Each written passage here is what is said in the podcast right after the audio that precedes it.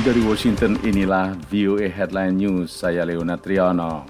Sebagian besar warga Amerika, 57 persen, percaya bahwa Amerika Serikat harus terus mengirimkan bantuan militer dan keuangan kepada rakyat Ukraina dalam perjuangan mereka melawan agresi Rusia, menurut jajak pendapat yang dirilis hari Kamis. Dalam survei tahunan oleh Institut Ronald Reagan, hanya sepertiga atau 33 persen yang mengatakan mereka yakin Amerika Serikat tidak mampu membelanjakan lebih banyak uang untuk konflik itu dan berisiko memprovokasi Rusia lebih lanjut. 82 persen responden menganggap Rusia sebagai musuh, Angka itu adalah yang tertinggi sejak dimulainya survei pada tahun 2018 dan naik secara signifikan dari tahun lalu ketika sekitar 2 per 3 atau 65 persen responden memandang Rusia sebagai musuh. Sebaliknya, 76 persen orang Amerika menganggap Ukraina sebagai sekutu, peningkatan yang signifikan dari tahun 2021 ketika kurang dari setengah atau 49 persen responden beranggapan seperti itu. Invasi Rusia ke Ukraina dimulai pada tanggal 24 Februari. Rusia melancarkan serangkaian serangan rudal dan mengirim hingga 200 ribu tentara Rusia ke Ukraina dalam upaya untuk menggulingkan pemerintah dan menguasai wilayah Ukraina. Presiden Amerika Joe Biden hari Kamis mengatakan bahwa dia bersedia berbicara dengan Vladimir Putin untuk pertama kalinya sejak invasi Ukraina jika pemimpin Rusia itu benar-benar ingin mengakhiri perang. Biden berbicara dalam kunjungan kenegaraan Presiden Prancis Emmanuel Macron yang mengatakan dia akan berbicara lagi dengan Putin setelah kunjungannya ke Washington dan telah menentang isolasi terhadap pemimpin Rusia itu.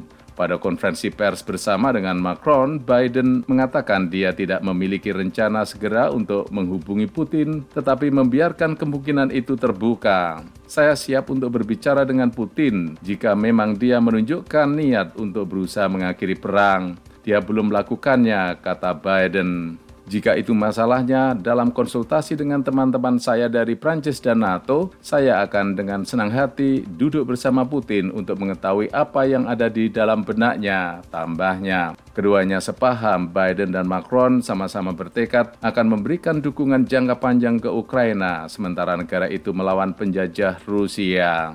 Biden menambahkan bahwa mengebom tempat-tempat penitipan bayi, rumah sakit, rumah anak-anak itu menjijikkan.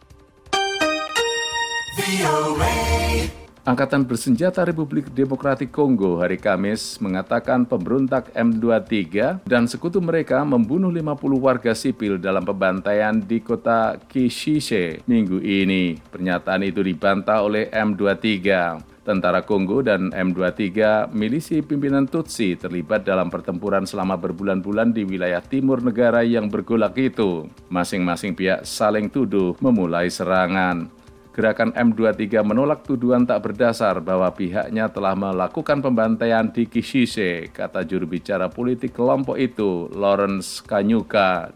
M23 mengingatkan masyarakat internasional dan nasional bahwa mereka tidak pernah menarget penduduk sipil tambahnya. Perserikatan Bangsa-Bangsa dan seorang diplomat Amerika juga mengatakan mereka memiliki informasi tentang pembunuhan warga sipil pada Selasa di Kishishe, Provinsi Kivu Utara tetapi tidak memberikan rincian. Keduanya menyerukan penyelidikan. Kami sangat sedih atas pembantaian warga sipil di Kishishe yang bisa menjadi kejahatan perang, kata Stephanie Miley melalui cuitan di Twitter. Stephanie Miley adalah kuasa usaha kedutaan besar Amerika di Kinshasa. Para ahli mengatakan lava yang mengalir dari gunung berapi terbesar di dunia bergerak perlahan ke jalan raya yang menghubungkan pantai timur dan barat pulau besar Hawaii. Ken Hon, ilmuwan yang bertanggung jawab di Hawaiian Volcano Observatory atau pemantauan gunung berapi di Hawaii mengatakan lava telah melambat saat mencapai tanah datar. Lava bergerak sekitar 30 hingga 40 meter per jam dan berada sekitar 3,5 mil di selatan jalan raya. Pada tingkat itu, setidaknya diperlukan seminggu untuk mencapai jalan raya kami tidak benar-benar tahu ke arah mana aliran lahar pada akhirnya akan menuju, katanya. Hon menekankan bahwa satu minggu adalah waktu paling cepat lahar bisa mencapai jalan raya dengan tingkat kecepatan saat ini. Demikian VOA Headline News dari Washington DC, saya Leona Triano.